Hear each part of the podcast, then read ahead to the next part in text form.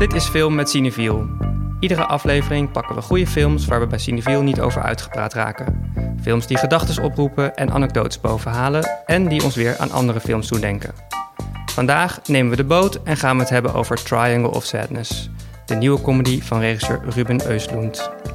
Comedy? Ja, want het is makkelijk lachen als een groep wereldvreemde en steenrijke figuren onverwachts de meest helse vakantie van hun leven beleven.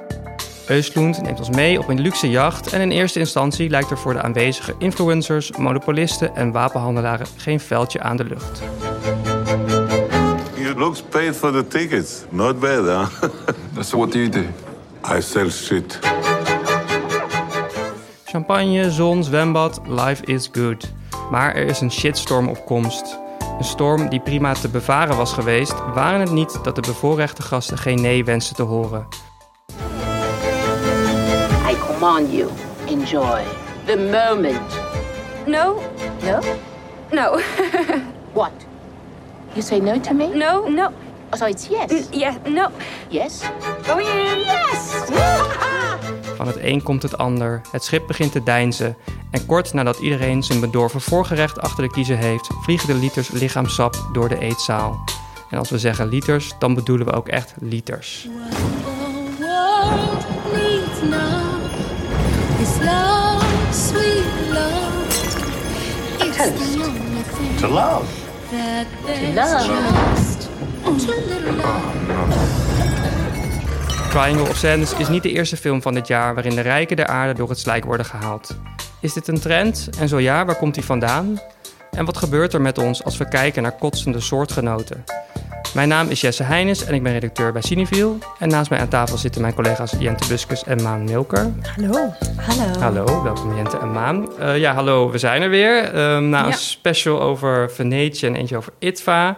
maken we vandaag eindelijk weer een podcast over één Cineviel film. Yes. We kregen er al vragen over van what's up. Ehm, ja, door persoonlijke omstandigheden hebben we echt minder podcasts eh, kunnen maken dan gepland.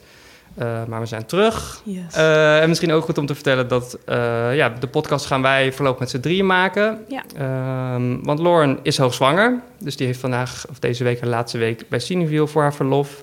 En Fien is druk met het afmaken van haar debuutroman. Spannend. Dus die zijn met hele belangrijke dingen bezig. Even geen tijd voor de podcast. Wij gaan het nu met z'n drieën doen. En het laatste, spoilers. Ja. We gaan dingen bespreken uit de film. Dingen die misschien ook wel in de trailer zitten. Maar als je echt blanco wil, stop nu met luisteren. En eh, zet, ons, zet een notitie in je telefoon dat je ons na het zien van deze film... eh, Zet nog even je opzoekt. agenda even met een eh, Ja, volgende week, notificatie. volgende week donderdag. luister naar de podcast. Maar we gaan niks eh heftig spoilen, Nee, toch? niks Nee. heftigs. Zeg maar niet spoilen om het spoilen, maar gewoon wel dat er misschien bepaalde materie ter sprake komt die als een verrassing komt op basis van de trailer of die Ja. je nog niet helemaal had gesnapt op basis van de trailer. En maar misschien als je al zover bent in deze podcast, dan boeit het je misschien ook niet. Maar misschien ook wel. Misschien ook wel. Nou, be- beslis het voor Je jezelf. mag zelf Ja. weten of het je boeit. Eh, komt een kleine spoiler aan nu al. Eh, er zit in de film een scène waarin eh, met een helikopter in een, in een belangrijk koffertje een product naar de luxe jacht wordt gevlogen. Nutella, een pot Nutella, die mocht niet meer ontbreken op het schip. Ehm, Maan, welk broodbeleg zou jij laten invliegen Eh, als je ja. steenrijk was? Hè? Als ik steenrijk was, nou, dat heb je tegenwoordig wel nodig om dit product in de supermarkt te kopen. Maar het is eh, boter. Oeh, Ja. Snap ik. Ja. echte boter. ja, gewoon echt lekker brood. Bijvoorbeeld zelfgebakken brood. En dan gewoon met wat lekkere biologische boter erop. En Jente, wat, eh, wat Ja. zou jij laten invliegen? Nou ja, als ik echt steen, steenrijk was, dan zou ik gewoon oesters laten invliegen Ja? of zo. Maar, Voor in de ehm, ochtend? Op je brood? Ja joh, waarom ook niet? Kun je wakker maken voor een oester? Prima. Oké, ja. oké. Gewoon zo roomservice en gewoon twee oesters. Mhm. Echt top. Je zou haast vergeten dat het een filmpodcast is, maar nog even daarvoor. Jesse, wat is zou Ja, jouw broodbeleg zijn? Ik, eh, ik dacht aan vegetarische leverworst. Oké, Omdat het ook echt iets is wat ze daar niet zouden hebben, zeg maar. Ze komen Oh, van ja. die luxe producten en ik wil gewoon een beetje... Ja, simpele vegetarische leverworst. Ik vind it. het dan wel grappig dat, zeg maar, van alle vegetarische dingen, dat dan leverworst zo populair is. Omdat ik dat gewoon echt associeer met echt vlees, Vlees, vlees, vlees. vlees, Mhm. zeg maar. Ja. Met moeilijk vlees. Ja, En dan ben je vegetariër en dan wil je toch dat Ik moeilijke weet vlees. ook niet of het naar echte leverworst smaakt. Dat is te lang Ja. geleden, maar het is gewoon lekker. Ja, Ja. Oké, nou goed. weten we dat ook Tot weer. zover. Ja, Triangle of Sadness. Het, het is, ik zei al, dus een nieuwe film van Ruben Östlund. Ja. Eh ervan uitgaande dat iedereen dan meteen weet over wie we het hebben. Gouden Palmwinnaar met zowel deze film als The Square. Wat voor een filmmaker is hij, Ruben Östlund? Ja, het is iemand die veel, eh, veel skills bijeenbrengt. Dus ik, het is echt een film. eh, Zijn films zitten, vind ik, heel goed in elkaar qua scenario. Mhm. Maar het zijn ook hele uitgebreide films. Dus in de zin van. Je hebt zoveel verschillende scènes waarin zoveel verschillende dingen gebeuren. En zeker zo'n film als The Square. Daar, ja, dat was zo'n grote onderneming. Ik bedoel, met echt duizenden figuranten voor mijn gevoel. Ehm, en ja, dat, dat weet hij toch allemaal heel mooi in elkaar te breien. Waardoor het een heel vermakelijk en ook wel heel toegankelijk verhaal wordt. Ook al eh, deelt het juist met. Nou ja, in het geval van filosofische dingen. En, ja, en precies. Of theorie. juist, zoals in de vorm van The Square, wat dan gaat over een kunstmuseum, moderne kunst, eh, in Stockholm. Ja, En het is eigenlijk één grote ja, satire op het kunstwezen en op eigenlijk het, goed, het goede willen doen, maar wel er ook heel erg van genieten dat je bijvoorbeeld, eh, of zeg maar links zeggen, maar rechts stemmen bijvoorbeeld, Mhm. weet je, dat soort dingen. Ja. En eh, ja, dat allemaal heel uitgewerkt. What are the biggest challenges in running a museum? We're a museum of modern and contemporary art, so we need to present art that is the art of today, art that is absolutely cutting edge, and the competition is fierce. If you place an object in a museum, for instance, if we took your bag and placed it here, would that make it art? Ah.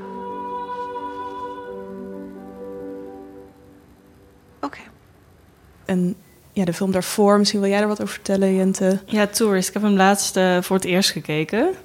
Die gaat over een eh, gezin dat op skivakantie is. Ehm, ook echt zo chill in beeld gebracht dat ze zo echt tergend langzaam op zo'n band met die skis staan te wachten tot ze bij de piste zijn.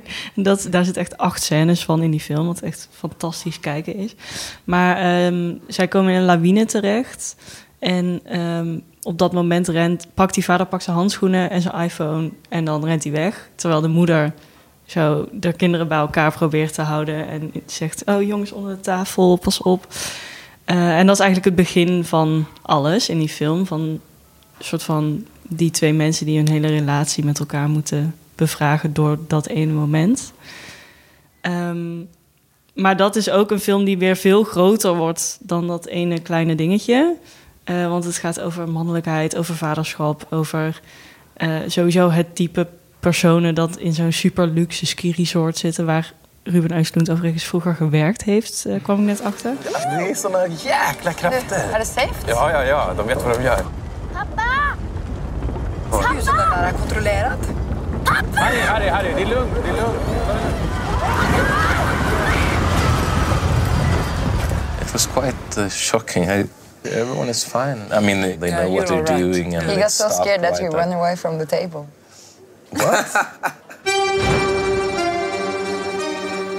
Dus ja, die film ook en Triangle of Sadness ook eh, hebben best wel toegankelijke premisses of zo.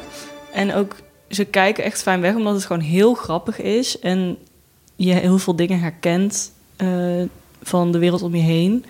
Ehm, maar tegelijkertijd ook zit er zoveel in en eh, kan je daarna nog jaren het met mensen over die film hebben.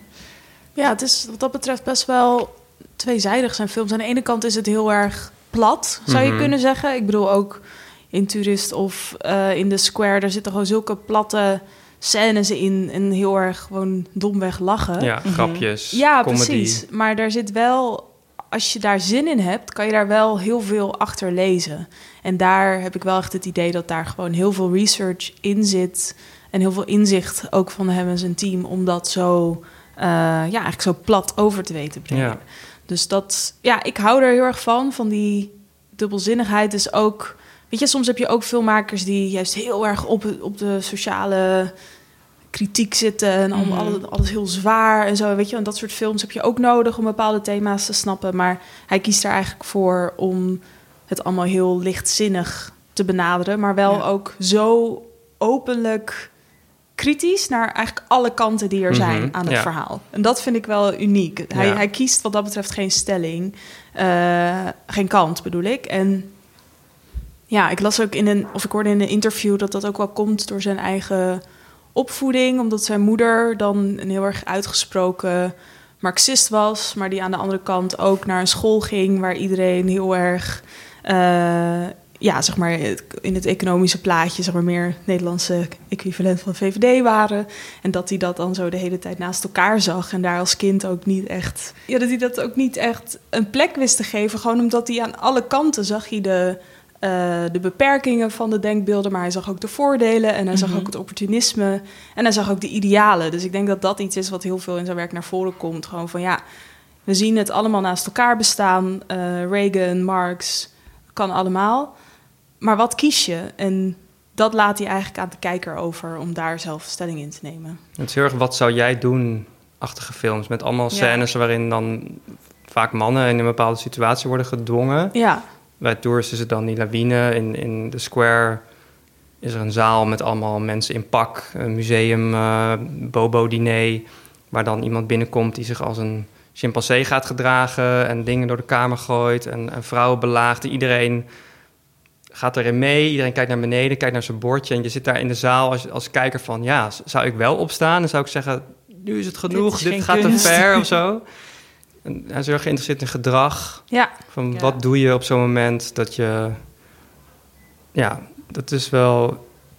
Want zijn films van, van Usloend zijn zeker ook in Cineville altijd enorme hits. Mhm. Volgens mij de Square is een tijdje de best bezochte film Ja. in Cineville geweest.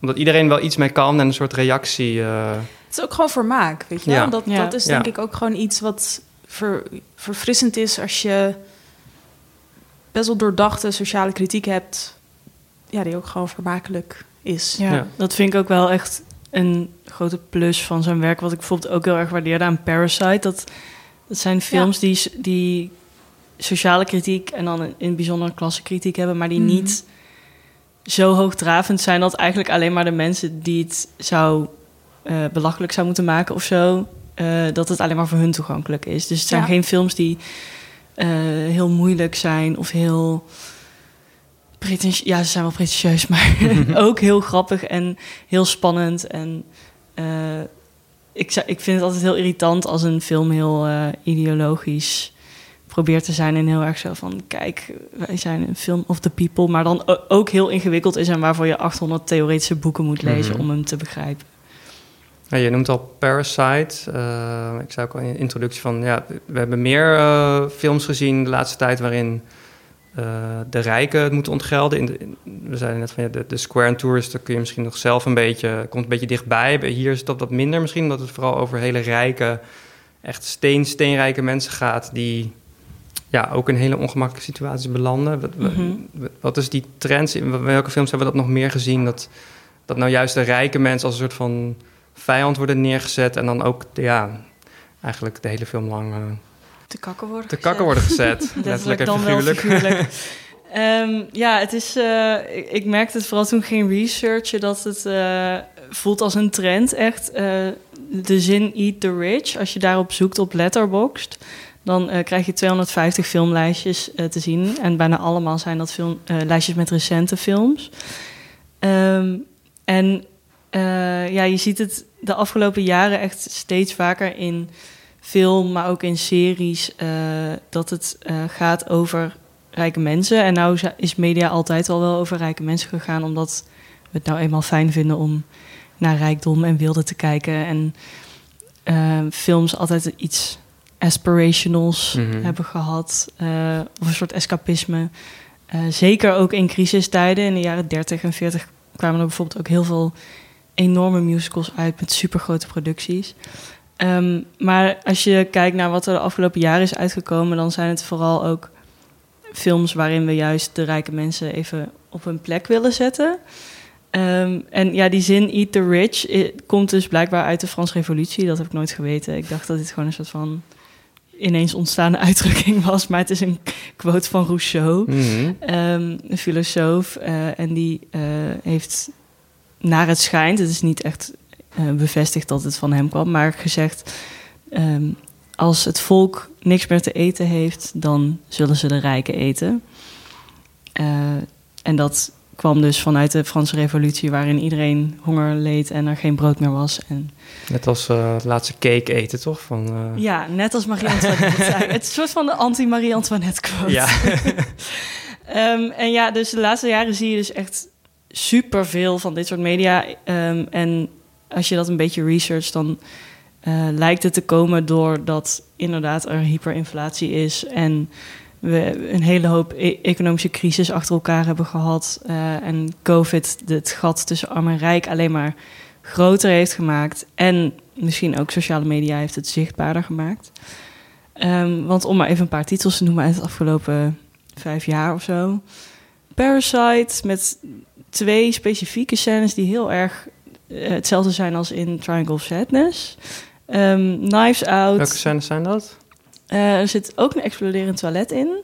Ja. En ook iets met een steen. Oh ja, een soort een sleutelrol spoiler. voor een steen. Ja. Maar het Eh, toilet is dan juist niet van de rijk, toch? Nee, klopt. klopt. Dat is wel een verschilletje. Maar ik vond het wel grappig dat er zo'n Ja. specifiek beeldend parallel in zat. Knives Out, die ook weer een nieuwe eh, sequel heeft.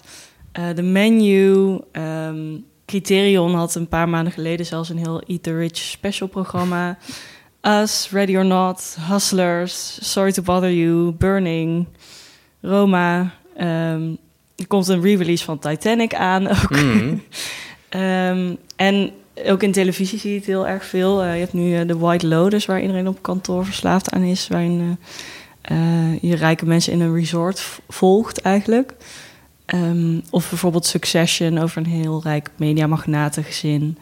Je noemt zomaar allemaal dingen op die jij ook heel leuk vindt. Kun je, zeggen, kun je uitleggen waarom jij het leuk vindt om naar die Eh, rijke mensen te kijken? Nou ja, dat vind ik dus ook heel fascinerend. Dat dat dus, eh, bijvoorbeeld White Lotus en Succession zijn ook heel populair. Eh, Parasite was dat ook. Knives Out loopt heel goed volgens mij. Ehm, ik vind het zelf heel lekker om te kijken naar rijke mensen. Ik denk dat mensen dat in het algemeen wel hebben. Het is denk ik vooral heel fijn eh, aan deze, dit lijstje media... dat je en soort van escapisme hebt naar dat, dat rijke leefje. Dus je kan echt zo een beetje meeleven en ook aan het zwembad van zo'n resort liggen... of eh, eh, genieten van de kleding en dat beetje soort dingen. in het leven wat je zelf Ja. nooit... Gaat als het hebben, goed is, gaat waarschijnlijk. hebben. Ik weet niet of je van plan bent, Jent. Maar... Ik heb geen staatslot gekocht of zo. Ehm, maar tegelijkertijd hoef je je ook niet schuldig te voelen dat je het fijn vindt om daarna te kijken. Want uiteindelijk eh, worden die mensen ook wel even aan het eind op hun plek gezet. Of eh, zie je ze lijden, of gaat er iemand dood, of ehm, worden de rollen omgedraaid. Eh, bijvoorbeeld ehm, in Us zie je dus een best wel, ja, dat, dat is niet de 1%, dat Mhm. gezin, maar zie je wel een rijker gezin. En het omgekeerde gezin daarvan dat het eigenlijk heel slecht heeft. Ehm, en die vecht het dan met elkaar uit eigenlijk. En ik denk dat dat eh, eigenlijk meer de trend is eh, die we zien dan alleen maar de eat the rich trend. Dat, dat we dus en tegelijkertijd ehm, dat mooie leefje willen bes- bestuderen en daarvan willen genieten. En aan de andere kant het ook willen ehm, afbreken een beetje. Ja. Omdat we ons er dus steeds meer van bewust zijn dat, het, dat daar oneerlijkheid in zit. En hoe bizar groot het verschil is. Ja, en dat het dus ook niet meer haalbaar is. Dat je niet meer naar, een- naar zo'n film kan zitten kijken met het gevoel van... oh, zo wil ik later ook zijn. Ik wil Mhm. later ook een filmster worden of een influencer of whatever. Ehm, maar dat het dus... dat Hollywood ons eigenlijk niet meer kan voorhouden dat dat ooit gaat gebeuren. En Maan, jij bent heel erg fan van Parasite. Heb je ook meer van dat soort films gezien waarvan je denkt... Ja, en ik vind het vooral interessant, eh, inderdaad, van waar het voor staat, dat Eat the Rich. En ook de. Ik denk dat het wel samenhangt met iets wat ook in Triangle Sadness veel speelt. Namelijk dat die extreme rijkdom haast iets verachtelijks of weerzinwekkends is. eh, vanuit jouw positie als niet de 1%. Dus zeg maar de opeenstaap of de, de vermenigvuldiging van hun rijkdom is zo buitenproportioneel dat het iets wordt wat alles verstoort. Dus eigenlijk wat, wat de goede orde verstoort. Ja. Dus het is niet eerlijk. Het is niet ethisch. Eh, het kan ook niet op ethische manier verkregen worden als je Mhm. kijkt naar waar mensen historisch rijk van worden. Nou, het zijn altijd van slechte dingen eigenlijk. En ook de waardevermeerdering ervan, eh, ja, dat is ook eh, in zekere zin eh, heeft dat een onethisch component in zich, in de zin van dat het, het niet meer een ruilmiddel is. Dus het is niet zo van, ik geef jou arbeid en ik krijg daarvoor geld, of ik Ja. geef jou een schelp en ik krijg daarvoor een munt. Het wordt opeens iets van, oh, ik geef jou geld en ik geef jou tijd en daarvoor krijg ik heel veel geld terug of zo. Snap je? Of ik geef Ja. jou de garantie van geld en dat kost ook weer geld. Ja. En ehm, we hebben het wel in ons om. Eh, dat is denk ik ook een heel groot deel van filmtheorie. Dat we eh, ergens aangetrokken worden tot dingen die weerzinwekkend zijn, of verachtelijk, of kwalijk, of gewelddadig. Of zeg maar alles wat je eigenlijk in het echte leven niet zou willen. Ja. Maar die heeft, dat geeft ons wel een soort spanning mee. En dat kan bijvoorbeeld zijn eh, opwinding, dat kan zijn vermaak, humor, tranen. Ehm, en dat is iets wat ons een soort ruimte biedt om om te gaan met die emoties. Op het moment dat het niet eh, echt aan de orde is voor onszelf. Nee, zeg je maar. zit in Dus- een filmzaal, dus het, Precies. het is altijd dus als ik Kim Kardashian zeg maar, in het echt tegen zou komen en in het echt haar privéjet zou zien en zij vraagt aan mij van, hey, zal ik de privéjet nemen of wat dan ook, weet je wel, dan krijg je daar hele andere emoties bij dan wanneer je dat op tv ziet en het nou eenmaal gebeurt of zo. Snap je wat ik bedoel? Dan voel je ook weer niet zelf. Dat vinden we ook heel fijn dat we ons ook weer niet echt zelf er onderdeel van voelen. Je hebt een beetje afstand. Je hebt afstand en precies in die afstand eh, waarin je dus wordt geconfronteerd met dat gedrag of met het bestaan daarvan, maar op een manier dat je het ook voor jezelf weer kan wegdenken tot op zekere hoogte, dat, ja, dat biedt heel veel ruimte voor eh, ja, eigenlijk bepalen ook hoe je er zelf in staat en daarin ook die emoties afgaan die daarbij komen kijken in, de, in het comfort van de filmzaal of eh, als je thuis streamt of wat dan ook. Ja. En ik denk dat dat ook iets. eh, ook als je kijkt naar bijvoorbeeld Östlunds films, weet je, daar wordt dan veel over gesproken na afloop of zo. En dat heeft er alles mee te maken dat, je, eh, dat het makkelijk is om over een film te praten ten opzichte van eh, echte evenementen. Dus Ja. het is veel makkelijker om een ethisch standpunt in te nemen over een film en dat een Mhm. beetje te testen met elkaar en te zeggen, ja, die rijken, ja, dat kan eigenlijk toch niet, hè? Dan dat je een heel diepgaand gesprek Precies, over kapitalisme je- gaat hebben. Of dat jij eh, in een sociale huurwoning zit eh, met bevroren ramen... omdat je de energierekening niet kan betalen... en degene waarmee naar de film gaat... die heeft een huis in Bloemendaal en een Ferrari voor de deur, bij wijze van Mhm. spreken. Dan is dat toch net even een ander gesprek... als je het dan gaat Ja. hebben over je standpunten. Ja. Dus dat, ja, ik vind het wel heel interessant dat, dat dat nu iets is wat heel erg speelt. Omdat ehm, nou ja, dat verschil tussen arm en rijk wordt inderdaad, wat Jente net al zei, steeds duidelijker. Er, er komen, weet je, er komen ook bepaalde gevolgen bij kijken. In nou, nu Nederland bijvoorbeeld dan met de energiecrisis of wat dan ook, weet je wel, dat je gewoon heel duidelijk het verschil ziet en Mhm. daar gefrustreerd over bent. Dus ik, het zal me ook niet verbazen als zeg maar dat hele energieverhaal over een jaar in films zit, weet je Mhm. wel. Ja. dat wordt echt zo'n nieuwe bad guy eh, eh, gereedschap. Zo van, hahaha, ik kan lekker wel de verwarming aanzetten. en, Dat is een eh, teken van dat je evil bent. ja, ja, en ik denk wel dat als je kijkt naar een film als Parasite en sowieso veel films eh, uit Zuid-Korea, daar heb je dat, dat hyperkapitalisme is zeg maar nog sneller uit de grond eh, Geschoten. geschoten. En ook het stadse leven ten opzichte van het land, eh, zeg maar de, het landelijke gedeelte. Bijvoorbeeld de film Burning van Lee Shandong, ook een Ja. Koreaanse film. Daarin heb je eigenlijk diezelfde tegenstelling. Dat, ja, dat zijn daar veel, daar heb je zeg maar nog meer ongelijkheid dan bijvoorbeeld in Nederland. En dan zie je ook gewoon dat dat ja, in de films die daar vandaan komen, nog meer terugkomt. ja, nog meer Ja. terugkomt. Ik vond het ook wel Eh, grappig. Bong Joon-ho heeft in een eh, interview ook gezegd... in 2019 had je dus en Burning en Parasite en Us... ehm, en ook Shoplifters van eh Hirokazu Koreeda. Ehm, en toen heeft hij gezegd... ja, het is niet alsof wij met z'n allen in een ruimte zijn gaan zitten... en hebben gezegd tegen elkaar... Oh, we gaan nu allemaal films maken over klassen... want we vinden dat, daar dat daar films over gemaakt moeten worden. Maar eh, het is, hij vond dus dat het heel natuurlijk eh, in zijn films was teruggekomen. Ja, het En speelt dat het niet gewoon. echt best wel... Het was niet iets super bewust van ook ga nu een klassenfilm maken.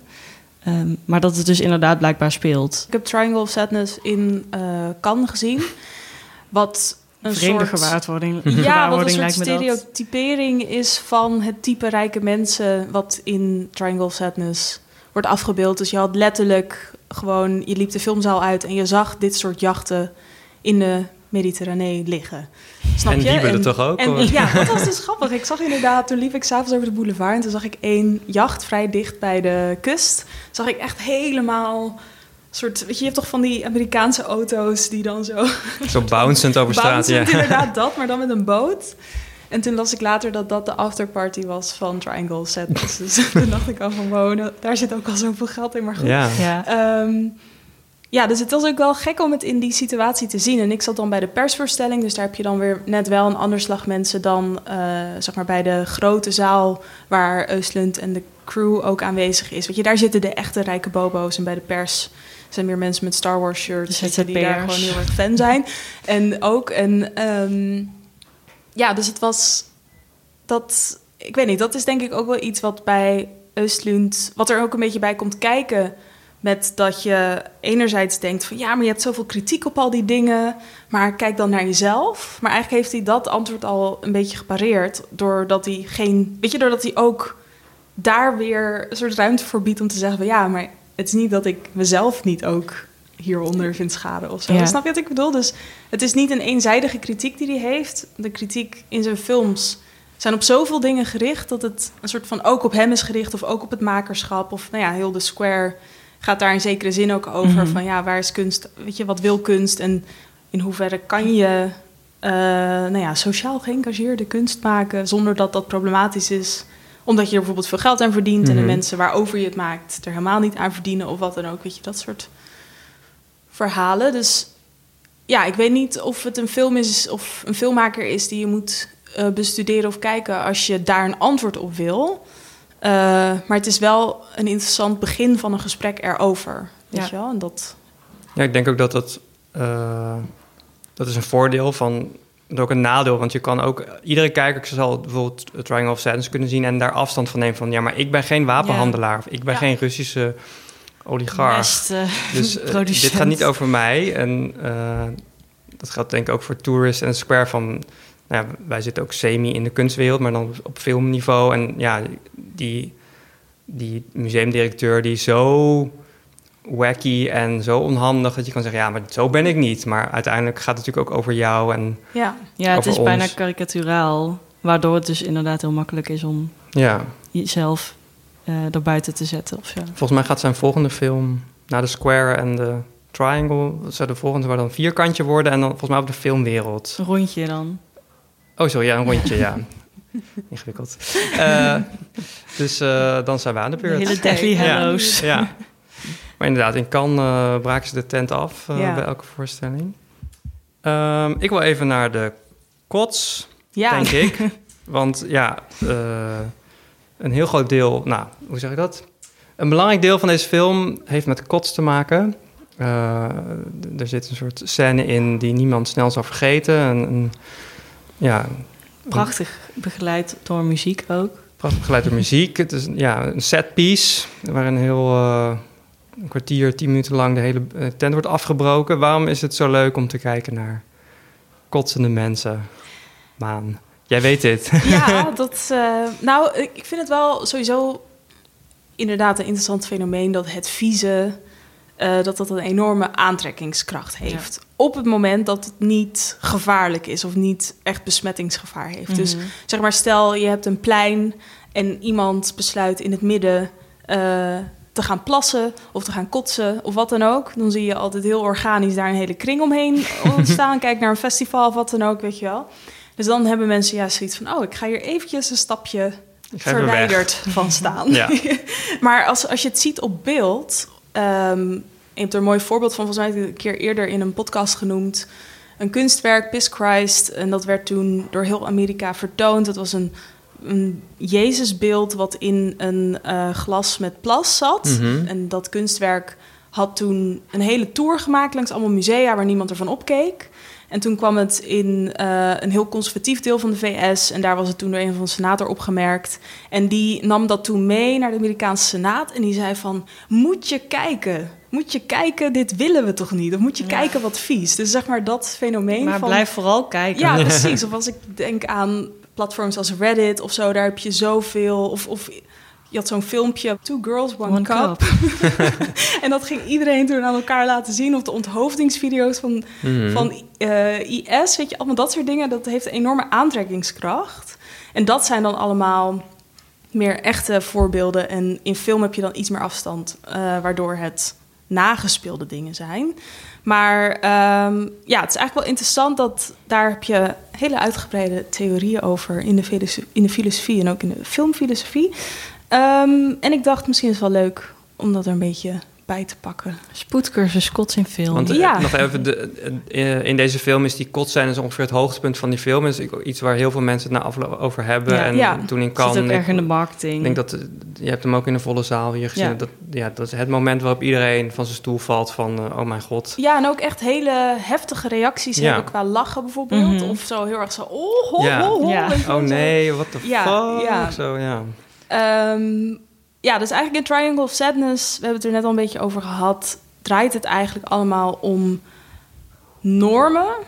En eigenlijk vooral ook om de kwetsbaarheid daarvan. Dus om even een voorbeeld te noemen, je hebt de rijke mensen en daarvoor is het de norm dat zij eh, op hun wenken bediend worden op het moment dat zij ervoor betaald hebben. Maar op een gegeven moment dan verandert die sociale context. En dan zeggen de mensen die dan misschien ooit in een vorig leven ervoor betaald zijn om hun te bedienen, die zeggen opeens: ja, maar wacht eens even. Hier gelden die regels niet. Want nu gelden er andere regels. Namelijk degene die bijvoorbeeld vis kan vangen, die bepaalt wie de vis mag eten. Dan maakt het mij niet uit dat jij heel veel geld hebt. Maar dan ben ik Kan je me opeens twee Rolexen die- aanbieden? Ja, maar daar heb ik niks aan, want we zitten hier vis. op een plek waar we daar niks aan hebben. Ja. Dus de film laat aan de ene kant eh, die normen zien. Of ehm, ja, van eh, de, de rekening komt op tafel, de man betaalt. Of niet. De man zegt opeens van waar moet ik eigenlijk betalen? En de vrouw reageert daarop zo ik. van... eh, Oké, nou dan betaal je niet, dan betaal ik wel. Zo'n en dan ongemakkelijke wordt dat scène. weer een soort ding. En dan wordt dat weer... Weet je, dat, hij weet dat heel mooi en efficiënt... weet hij die normen neer te zetten... en gelijk ook de ruimte te laten zien... waarin die normen eigenlijk kunnen worden overschreden... of ongeldig kunnen worden verklaard, als het ware. En hoe makkelijk dat ook gaat eigenlijk. Ja, Met één precies. zinnetje. Ja, ja. En, en die kwetsbaarheid... ehm, ja, als je kijkt naar de Freudiaanse theorie... waar dan weer allemaal kritiek op zijn gekomen. Dus zeg maar, als je Freud noemt, dan hoef je niet per se het te hebben over penisnijd. En dat soort dingen, weet je. Je hebt ook gewoon mensen die het iets meer hebben toegepast of afgezwakt... en het meer als startpunt hebben gebruikt. Eh, waaronder de filosoof Julia Kristeva... En eh, zij heeft een best wel invloedrijk werk geschreven. Het heet Powers of Horror, een essay on objection. En dat gaat er eigenlijk over dat die momenten waarop er een grensoverschrijding plaatsvindt, ehm, dat dat iets is wat ons een hele ehm, lichamelijke reactie geeft. En een van die reacties is bijvoorbeeld dat je misselijk wordt Mhm. van iets. Als jij iets, als jij iets ziet gebeuren wat jij zo verstotelijk vindt of zo erg. Je ziet dat vaak in films terugkomen van als je een soort plotpoint hebt waar iemand erachter komt dat de partner vreemd is gegaan met de zus. Uh, kotsen, weet je wel? En dan is het niet Oh, zo'n ja. overdreven triangle of sadness kots, maar dan is het gewoon eventjes zo'n... Zo, Kotsje. Ja, even Ja. zo'n kotsje, inderdaad. ik vind die kotsen altijd heel vies, want ik kan daar niks mee, zeg maar. Dan denk ik van, voor mij is dat nou niet de kots die mij aan het lachen maakt. Dat is gewoon Is het dan te echt of zo? Of te... Ja, of misschien juist net niet echt genoeg. Dat heb ik Oh, eerder. ja. dat, want ze gaan niet echt die kotsgeluiden maken. Het is een soort te mooie kots. Oh, Hollywood kots. Precies. Ja. Eh, maar ik dwaal af. Nou. En zij zegt eigenlijk dat, eh, dat die reactie, dat, nou, dat komt dus bij meer eh, voor de hand liggende dingen als verrot eten, et cetera. Maar het komt ook bij het zien van de dood, bijvoorbeeld. Of bij lichaamsappen, want lichaamsappen ehm, zijn eigenlijk een soort symbool voor de dood en het leven. En dan in de zin van dat wij, ehm, wij zijn allemaal individuen.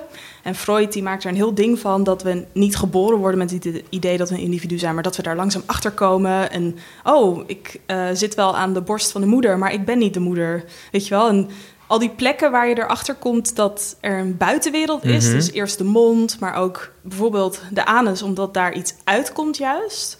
Ehm, die zijn heel belangrijk voor eh, besef van dat ik iemand ben en dat ik iemand anders ben dan Jente. En eh, nou ja, dan daar hebben we het in een vorige podcast, een, vo- een vorige podcast over gehad, dat dat ook om kan keren in een fetish later in je leven, die plekken. Welke podcast is dat ook Eh, van Peter Strickland. Oh, In die, Fabric. In Fabric, ja. ja. Daar hebben we het er uitgebreid over gehad. Maar die lichamelijke vloeistoffen, die zijn dus eigenlijk iets wat heel erg bij jou hoort. En iets wat ook alleen bij jou hoort. Wat je naar buiten werpt. In dit geval in projectielvorm. Mhm. eh, aan beide kanten. en Mooi omschreven. en daarmee ehm, laat je eigenlijk de grenzen zien van wie jij bent. Want op het moment dat jij iets uitkotst, is dat van jou, maar jij bent het niet. Dus het laat eigenlijk een soort van zien van... Kijk, ik kan iets maken, maar dat wat ik heb gemaakt, dat ben ik niet. Maar Wow. snap je? Ja, Maar, maar als het in je zit, is het wel. is het nog ja. wel. Oh, ja. ja. dus dan ben je Ja. als het Ja. ware niet mee bezig. Zoals Ja. een vulkaan magma heeft voor die uitbarst en lava. Ja, en pas op het moment dat je het uitspuwt of uitpoept, dan word jij ervan bewust dat jij grenzen hebt, Mhm. waar dus iets uit kan komen. En andersom ook, als jij iets eet, ben jij er ook bewust van dat jij iets in jou eh, brengt. Dat is ook iets wat, nou ja, wat wel heel interessant is als je het idee van rijke mensen erbij haalt. Want als je Mhm. bijvoorbeeld kijkt naar eetculturen van juist rijke mensen, die eten bijvoorbeeld vaak dingen die voor mensen die minder een eh, acquired taste hebben, heel vies zijn. Ja. Dus dat zie je ook in Triangle of Sadness. Daar Ja. worden echt de meest Zo'n geleitje ja, groens. en allemaal. Nou ja, ik vind Sowieso zelf, dingen als oesters en slakken. Ja, rare Precies. vissen. ja, of, of eitjes en zo. Dat zijn allemaal dingen. Ik vind die heel vies. En als ik dat zie, dan denk ik echt van, "Ugh, daar word ik misselijk van. Maar ze worden ook echt vies in beeld gebracht, toch? Zo van, oké, ja, dit is wel maar extra... dat, is, dat is dus wel het ding. Ik had dat, best willen eten. Maar dat is precies, we halen daar een soort, waar ik het eerder al over had, een soort opwinding uit om ons op die grens te begeven van wat nou wel die lichamelijke reactie opwekt en wat niet. Dus wat ons wel confronteert met ehm, onze identiteit eigenlijk en wat niet. En wat bijvoorbeeld veilig is. eh, om te eten en wat niet. Dus je hebt ook van die, weet je, van die mensen die heel erg eh, gaan bungee jumpen en zo. Dat is eigenlijk hetzelfde. Dan- Dan denk je, wauw, ik kan nu doodgaan, maar ik kan ook niet doodgaan. Ja. Spannend. En dat zit in deze film eigenlijk op zoveel verschillende lagen... dat je daar echt essay naar essay over kan schrijven. Want het zit dus niet alleen op de laag van dat je de grenzen van individualiteit... versus het, de, het collectieve idee van moraal of wat dan ook kan laten zien. Namelijk door al die sociale grenzen te laten zien... die dan worden over, overschreden... of waarvan op zijn minst wordt laten zien dat je ze kan overschrijden... Mhm.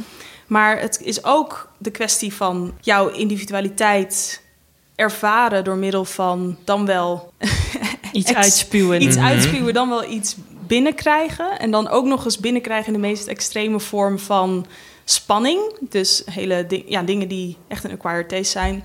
En wat dus ook misgaat Ja. eigenlijk. Dat is heel interessant daaraan dat hij laat die norm zien door te laten zien dat je er wel echt misselijk van kan worden. Ja, En, maar het is, gaat ook over leven en dood. En dat is een soort van de meest fundamentele vorm van spanning.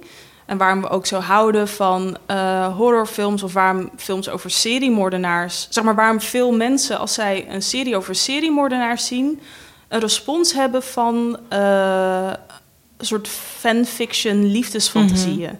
Gewoon omdat het idee dat jij kan houden van de dood, als het ware. En in dit geval een personificatie van de dood, namelijk iemand die moordt. Dat geeft een soort hele sterke eh, ja, lichamelijke spanningsreactie. En omdat het ook walgelijk is. En dat, of omdat het ook dodelijk is. En dat is iets wat in film bij uitstek op die afstand gepresenteerd kan worden, waarop het te verteren is. Eh, om even in. ja dus je hebt wel die spanning en je hebt wel een soort gevoel van I'm alive, maar Ja. je bent niet... Daadwerkelijk in gevaar. Precies. Ja. Je bent Ja. niet in gevaar. En daar komt nog eventjes het laatste staartje van waar moeten we dan lachen? Mhm.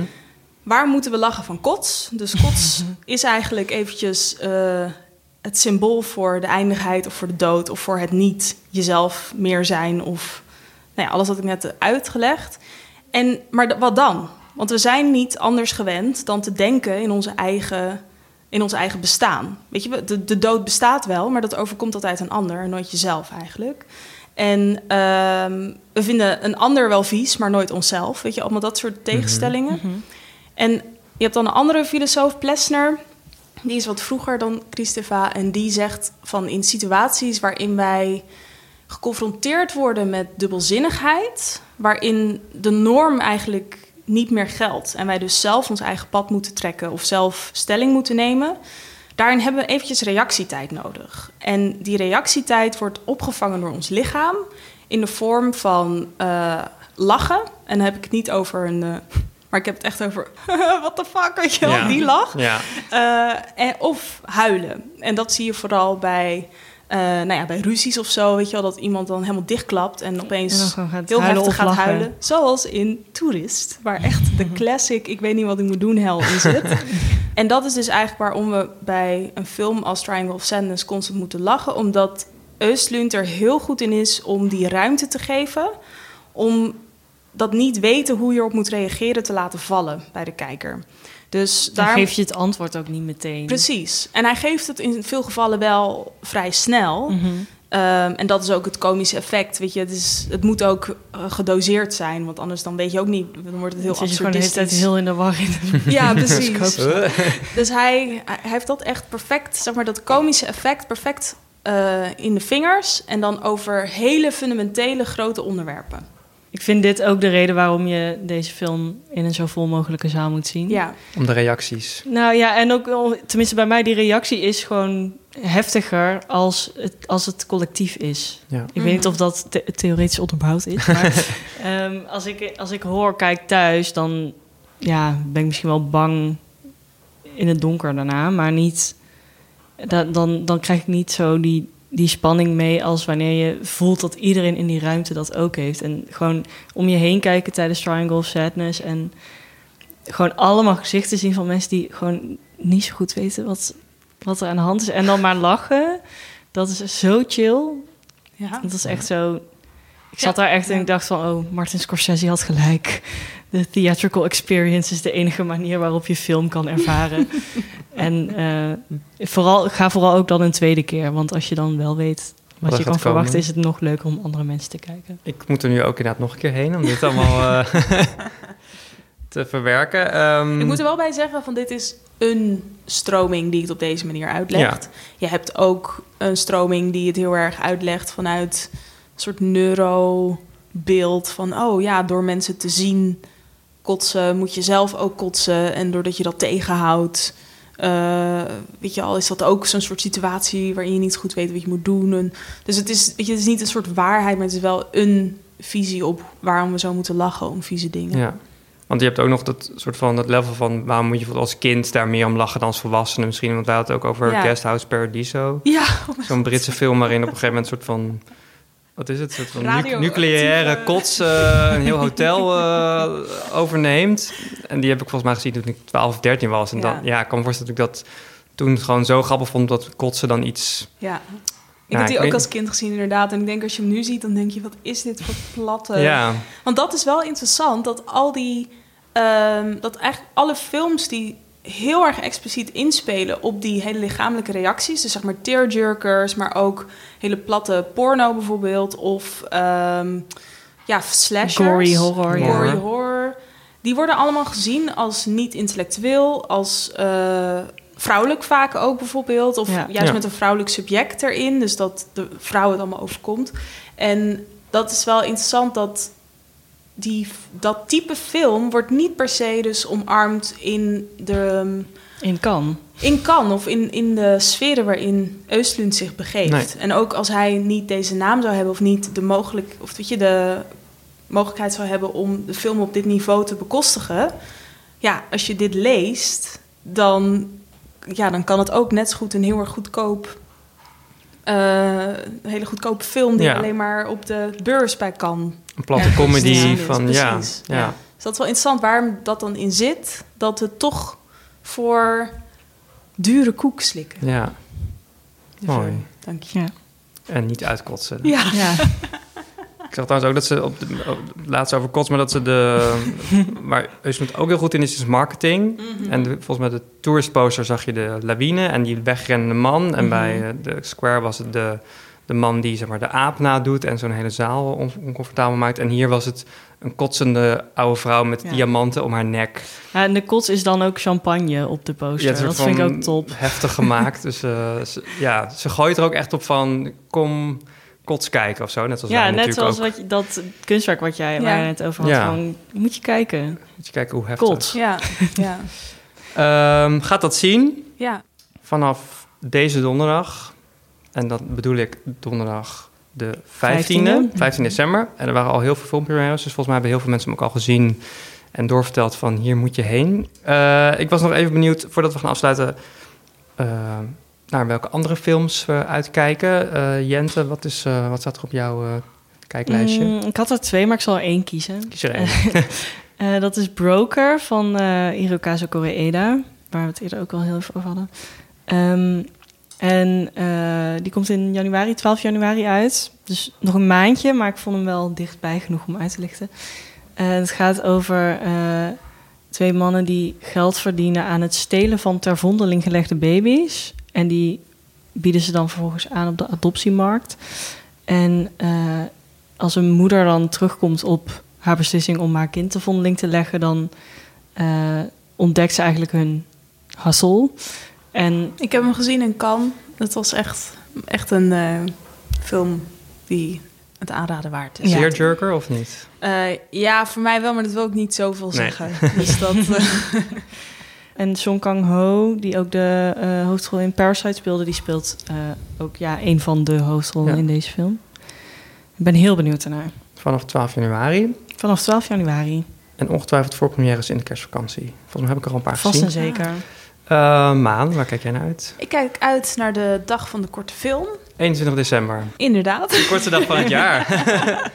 En eh, ja, ik, ik, ik hou heel erg van korte films. Ik denk dat dat altijd een plek is, of een medium, zeg maar, eh, waar je heel veel experiment ziet, waar je echt de makers van morgen tegen kan komen. En ook iets wat gewoon voor veel mensen niet echt in hun dagelijkse infrastructuur zit om die te bekijken. En eh, ja, dus het is een hele mooie kans. Het draait in verschillende filmtheaters om dat op het grote doek te zien. Het is een verzameling korte films Ja. van Nederlandse bodem, denk ik. Ja, Ja. Eh, prijswinnaars. is ook een kinderprogramma. Oh ja. ja. En dus Niet alleen overal, op de kortste dag van het jaar. Ja. Dus eh, ga daar vooral heen Ja. om veel moois te zien. En dan kan je de dag daarna naar mijn favoriet, Mulholland Drive. Eh, die ik als een echte filmbro al tien keer heb gezien. Het- ja, het is echt zo'n film wat je wel vaak hoort, maar die bij mij een soort awakening van... oh, dit kan film ook zijn. Eh, van David Lynch uit 2001 of 2000? 2001. Als ik nu geld op moet zetten. 2001. het is een, waar gaat het over? Het gaat over twee vrouwen in Hollywood. Eentje is haar geheugen kwijt. De andere is net aangekomen omdat ze graag actrice wil worden. Ehm, en ja, David Lynch laat eigenlijk een beetje zien hoe Hollywood werkt volgens, volgens hem. Eh, hij heeft die film gemaakt nadat hij eh, eigenlijk een serie wilde maken... die vervolgens vanwege gedoe met Studio Bobo's weer werd afgeschoten. En eh, ja, je ziet ook in, in, die film een beetje zijn...